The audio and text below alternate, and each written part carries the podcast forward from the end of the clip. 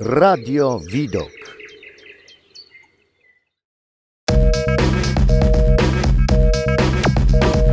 Edukator społeczny.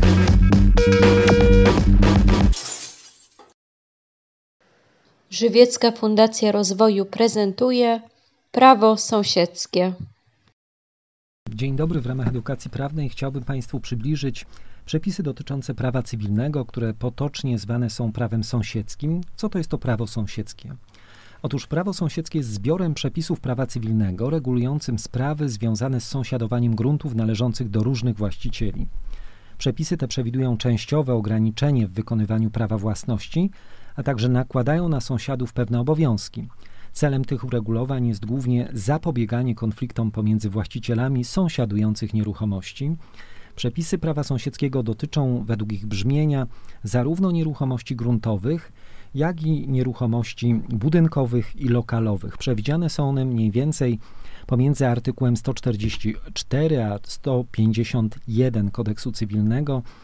Pierwszy z nich, artykuł 144 kodeksu cywilnego, stanowi, że właściciel nieruchomości powinien przy wykonywaniu swego prawa powstrzymywać się od działań, które by zakłócały korzystanie z nieruchomości sąsiednich ponad przeciętną miarę wynikającą ze społeczno-gospodarczego przeznaczenia nieruchomości i stosunków miejscowych.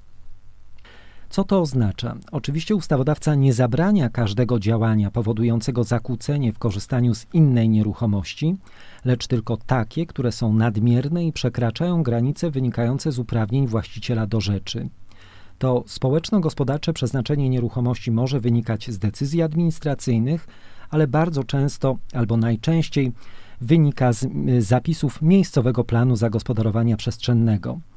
I tutaj posłużę się wyrokiem Sądu Najwyższego z 1969 roku, w którym zaznaczono, iż określenie stosunki miejscowe odnosi się zarówno do miejsca, jak i do czasu, tak więc chodzi o aktualne stosunki na danym obszarze, różne dla obszarów wiejskich, wielkomiejskich, terenów uzdrowiskowych czy też terenów wiejskich. Dane działanie, uwzględniając stosunki miejscowe, może na danym obszarze nie powodować zakłóceń ponad przeciętną miarę, na innym zaś może być całkiem odwrotnie i tę miarę przekroczy. Przypadkiem przekroczenia przeciętnej miary zawsze będzie zagrożenie dla zdrowia lub życia ludzkiego, czyli takie działania, które będą zagrażać zdrowiu lub życiu ludzkiemu. Dana nieruchomość może być zagrożona immisjami z kilku nieruchomości wyjściowych. Mamy w tym przypadku również do czynienia z przekroczeniem przeciętnej miary, pomimo tego, że działania poszczególnych właścicieli osobno takiej cechy nie mają. Co to są te imisje? Imisjami określamy wszelkie działania, które wykonujemy na własnej nieruchomości, a których skutki odczuwa sąsiad. I tak na przykład przekopanie rowu, skutkiem czego zalewana jest działka sąsiada lub zasypywanie gruzem działki sąsiedniej, to są przykłady imisji bezpośredniej. Charakteryzuje się ona zamierzonym i bezpośrednim działaniem właściciela jednej nieruchomości, mającym na celu utrudnienie korzystania z nieruchomości sąsiedniej. W przypadku imisji bezpośredniej mamy do czynienia z faktyczną ingerencją w cudzą własność. Oczywiście właścicielowi, którego własność została naruszona w inny sposób niż przez pozbawienie go faktycznego władztwa nad rzeczą, przysługują roszczenia, zwane inaczej roszczeniami negatoryjnymi, zgodnie z artykułem 222 paragraf 2 kodeksu cywilnego przeciwko osobie, która narusza własność w inny sposób aniżeli przez pozbawienie właściciela faktycznego władztwa nad rzeczą, przysługuje właścicielowi roszczenie o przywrócenie stanu zgodnego z prawem i o zaniechanie naruszeń. Ponadto, zgodnie z wyrokiem Sądu Najwyższego z 1983 roku, właściciel nieruchomości sąsiedniej może żądać na podstawie artykułu 222 paragraf 2 w związku z artykułem 144 kodeksu cywilnego nie tylko zakazanie immisji, które już zakłócają ponad przeciętną miarę korzystanie z jego nieruchomości, ale także zaniechanie przygotowań, które dopiero po zrealizowaniu odpowiednich robót pozwoliłyby na takie immisje. Z roszczeniem negatoryjnym może wystąpić właściciel, może wystąpić posiadacz. Zgodnie z artykułem 341 kodeksu cywilnego domniemywa się, że posiadanie jest zgodne ze stanem prawnym. Natomiast pozwanym w procesie negatoryjnym będzie osoba, która naruszyła własność w inny sposób, aniżeli pozbawienie właściciela faktycznego władztwa nad rzeczą. Należy pamiętać, że jeżeli roszczenie nagatoryjne dotyczy nieruchomości, to zgodnie z treścią artykułu 223 paragraf 1 kodeksu cywilnego nie ulega przedawnieniu. Kolejną instytucją, która związana jest z prawem sąsiedzkim, jest oczywiście instytucja drogi koniecznej. Pojęcie niezwykle szerokie, ja tylko przybliżę Państwu pokrótce, czego ono dotyczy. Jeżeli nieruchomość nie ma odpowiedniego dostępu do drogi publicznej lub do należących do tej nieruchomości budynków gospodarskich, wówczas właściciel może żądać od właścicieli gruntów sąsiednich ustanowienia za wynagrodzeniem potrzebnej służebności drogowej. Oczywiście przeprowadzenie drogi koniecznej nastąpi z uwzględnieniem potrzeb, ale też z najmniejszym obciążeniem gruntów, przez które droga ma prowadzić. Najlepiej, jeżeli w tym względzie właściciele nieruchomości e, dojdą do wspólnego porozumienia, w przeciwnym wypadku sprawę rozstrzygnie sąd. Artykuł 147, kolejny z zakresu prawa sąsiedzkiego, stanowi, że właścicielowi nie wolno dokonywać robót ziemnych w taki sposób, żeby to groziło nieruchomościom sąsiednim utratą oparcia. Chodzi o niebezpieczeństwo zapadnięcia się ziemi, runięcia lub osunięcia. Skutkować to może uszkodzeniem konstrukcji budynku sąsiedniego lub nawet jego zawaleniem. Niebezpieczeństwo utraty oparcia jest wystarczającym powodem, by domagać się od sąsiada przerwania prac. W tej sprawie wypowiedział się Sąd Najwyższy w wyroku z 2007 roku.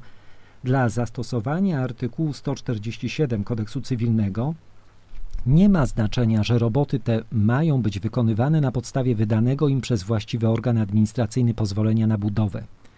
Pozwolenie na budowę nie daje bowiem żadnych szczególnych uprawnień pozwalających na wykonanie robót ziemnych zagrażających nieruchomościom sąsiednim utratą oparcia. Według tego orzecznictwa do oceny zagrożenia nie jest potrzebna pewność utraty oparcia przez nieruchomość w wyniku robót ziemnych dokonywanych na sąsiednim gruncie, ponieważ wystarczy przewidywanie, że dokonywane roboty spowodują utratę oparcia przez sąsiedni grunt, np. po zapoznaniu się z projektem lub poprzez ocenę wizualną na terenie lub na placu budowy. Czy sąsiad może zebrać spadłe owoce z naszego drzewa? Otóż artykuł 148 kodeksu cywilnego stanowi, że owoce spadłe z drzewa lub krzewu na grunt sąsiedni stanowią jego pożytki. Oznacza to, że owoce, które spadły na naszą nieruchomość z drzewa lub krzewu sąsiada, są po prostu nasze. Sąsiad nie ma prawa do żadnego odszkodowania z tego tytułu. Jeżeli nieruchomość, na którą spadły owoce, jest na przykład drogą publiczną, wówczas właściciel zachowuje prawo własności wobec tych owoców. A co z korzeniami, gałęziami zwieszającymi nad gruntem sąsiada? Zgodnie z treścią artykułu 149 kodeksu cywilnego właściciel gruntu może wejść na grunt sąsiedni w celu usunięcia zwieszających się z jego drzew gałęzi lub owoców. Stanowią one nadal własność sąsiada, właściciel sąsiedniego gruntu może jednak żądać naprawienia wynikłej stąd szkody co oznacza, że jeżeli swoim wejściem sąsiad wyrządził szkodę, możemy żądać naprawienia wynikłej stąd szkody.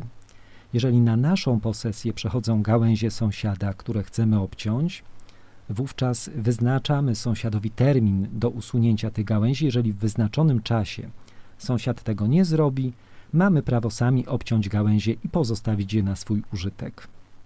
Zgodnie z artykułem 150 kodeksu cywilnego właściciel gruntu może obciąć i zachować dla siebie korzenie przechodzące z sąsiedniego gruntu. To samo dotyczy gałęzi i owoców zwieszających się z gruntu sąsiada. Jednakże w wypadku takim właściciel powinien uprzednio wyznaczyć sąsiadowi odpowiedni termin do ich usunięcia. Jeżeli chodzi o korzenie, to właściciel gruntu, na który przechodzą one z gruntu sąsiedniego, może je obciąć i zachować dla siebie. E, nie musi uprzedzać o tym sąsiada i może postąpić z nimi wedle własnego uznania, na przykład zużytkować. Ważne jest, aby wycięcie korzeni nie spowodowało uszkodzenia drzewa. Wtedy oczywiście nasze uprawnienie wykraczałoby no, już poza zasady współżycia społecznego. Obowiązujące przepisy nie określają odległości, w jakich powinno się sadzić drzewa lub krzewy. Można to robić tuż przy granicy, należy jednak pamiętać, że rozrastanie się drzewa może niekorzystnie wpłynąć na stosunki między sąsiadami. Czasami o takie drzewo potrafi rozpętać się prawdziwa wojna. Pamiętajmy, że duże drzewo zaciemni działkę sąsiada, ale może też stanowić niebezpieczeństwo dla budynku sąsiedniego. Wycięcie drzewa z powodu zagrożenia jest oczywiście możliwe po uzyskaniu właściwego zezwolenia od odpowiednich organów. Chciałbym przytoczyć wyrok z 1972 roku, wyrok Sądu Najwyższego.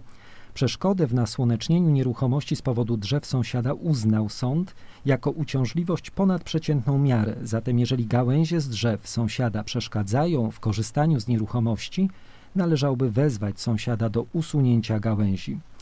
Zgodnie z wyrokiem Sądu Apelacyjnego z 2016 roku oczywiste jest prawo właściciela do wykorzystywania swojej nieruchomości, np. do dokonywania na niej nasadzeń, jednak charakter użytej do tego celu roślinności wymaga doboru nieograniczającego możliwość korzystania z nieruchomości sąsiedniej zgodnie z jej społeczno-gospodarczym przeznaczeniem do celów mieszkalnych.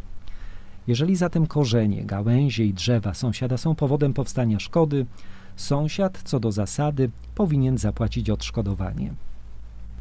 Zgodnie z artykułem 151 Kodeksu Cywilnego, jeżeli przy wznoszeniu budynku lub innego urządzenia przekroczono bez winy umyślnej granice sąsiedniego gruntu, właściciel tego gruntu nie może żądać przywrócenia stanu poprzedniego, chyba że bez nieuzasadnionej zwłoki sprzeciwił się przekroczeniu granicy albo że grozi mu niewspółmiernie wielka szkoda. Przekroczenie granicy ma miejsce wtedy, gdy część wznoszonej budowli znalazła się na powierzchni lub pod powierzchnią gruntu sąsiedniego, to jest graniczącego z nieruchomością, na której wzniesiono budynek. Dotyczy nie tylko wznoszenia, ale także dobudowywania.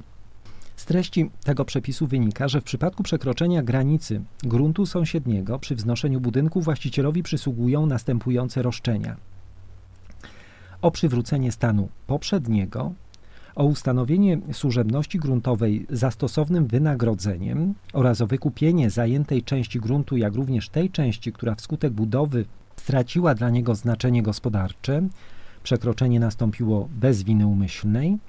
Zgodnie ze stanowiskiem Sądu Najwyższego wyrażonym w wyroku z dnia 24 września 2010 roku właścicielowi gruntu, którego granice zostały przekroczone przy wznoszeniu budynku lub innego urządzenia na nieruchomości sąsiedniej, przysługują tak zwane roszczenia uzupełniające przewidziane w artykule 224 paragraf 2 i 225 Kodeksu Cywilnego, także wówczas, gdy zgodnie z artykułem 151 Kodeksu Cywilnego nie służy mu roszczenie o przywrócenie stanu poprzedniego. Właściciele gruntów sąsiadujących zobowiązani są do współdziałania przy rozgraniczeniu gruntów oraz przy utrzymaniu stałych znaków granicznych. Koszty rozgraniczenia oraz koszty urządzenia i utrzymania stałych znaków granicznych ponoszą po połowie. Jeżeli granice gruntów stały się sporne, a stanu prawnego nie można stwierdzić, ustala się granice według ostatniego spokojnego stanu posiadania. Gdyby również takiego stanu nie można było stwierdzić, a postępowanie rozgraniczeniowe nie doprowadziłoby do ugody między zainteresowanymi, sąd ustali granice z uwzględnieniem wszelkich okoliczności, może przy tym przyznać jednemu właścicielowi odpowiednią dopłatę pieniężną. Mury, płoty, miedze, rowy i inne urządzenia podobne, znajdujące się na granicy gruntów sąsiadujących, służą do wspólnego użytku sąsiadów. To samo dotyczy drzew i krzewów na granicy. Korzystający z wymienionych urządzeń zobowiązani są ponosić wspólnie koszty ich utrzymania. Artykuł 154 paragraf 2 Kodeksu Cywilnego stanowi, że korzystający z wymienionych obiektów są zobowiązani ponosić wspólne koszty ich utrzymania. Sąd Najwyższy stanął na stanowisku, że obowiązek utrzymania nie obejmuje kosztów wybudowania nowego płotu. Oznacza to, że nie ma podstaw prawnych do obciążenia sąsiada kosztami budowy ogrodzenia, jeżeli nie jest on zainteresowany jego powstaniem. Jeżeli właściciel nieruchomości, któremu zależy na wykonaniu ogrodzenia, nie dojdzie do porozumienia z sąsiadem, sam będzie musiał sfinansować inwestycje. Dopiero po wybudowaniu ogrodzenia można będzie domagać się od sąsiada współfinansowania napraw i remontów. To tyle, jeżeli chodzi o kwestie dotyczące prawa sąsiedzkiego. Dziękuję Państwu bardzo. Do usłyszenia. Podcast powstał w ramach projektu Świadomy Obywatel, Świadoma Obywatelka, realizowanego przez Żywiecką Fundację Rozwoju finansowanego ze środków będących w dyspozycji Ministra Sprawiedliwości, uzyskanych w konkursie przeprowadzonym przez Starostwo Powiatowe Żywiec. Edukator społeczny.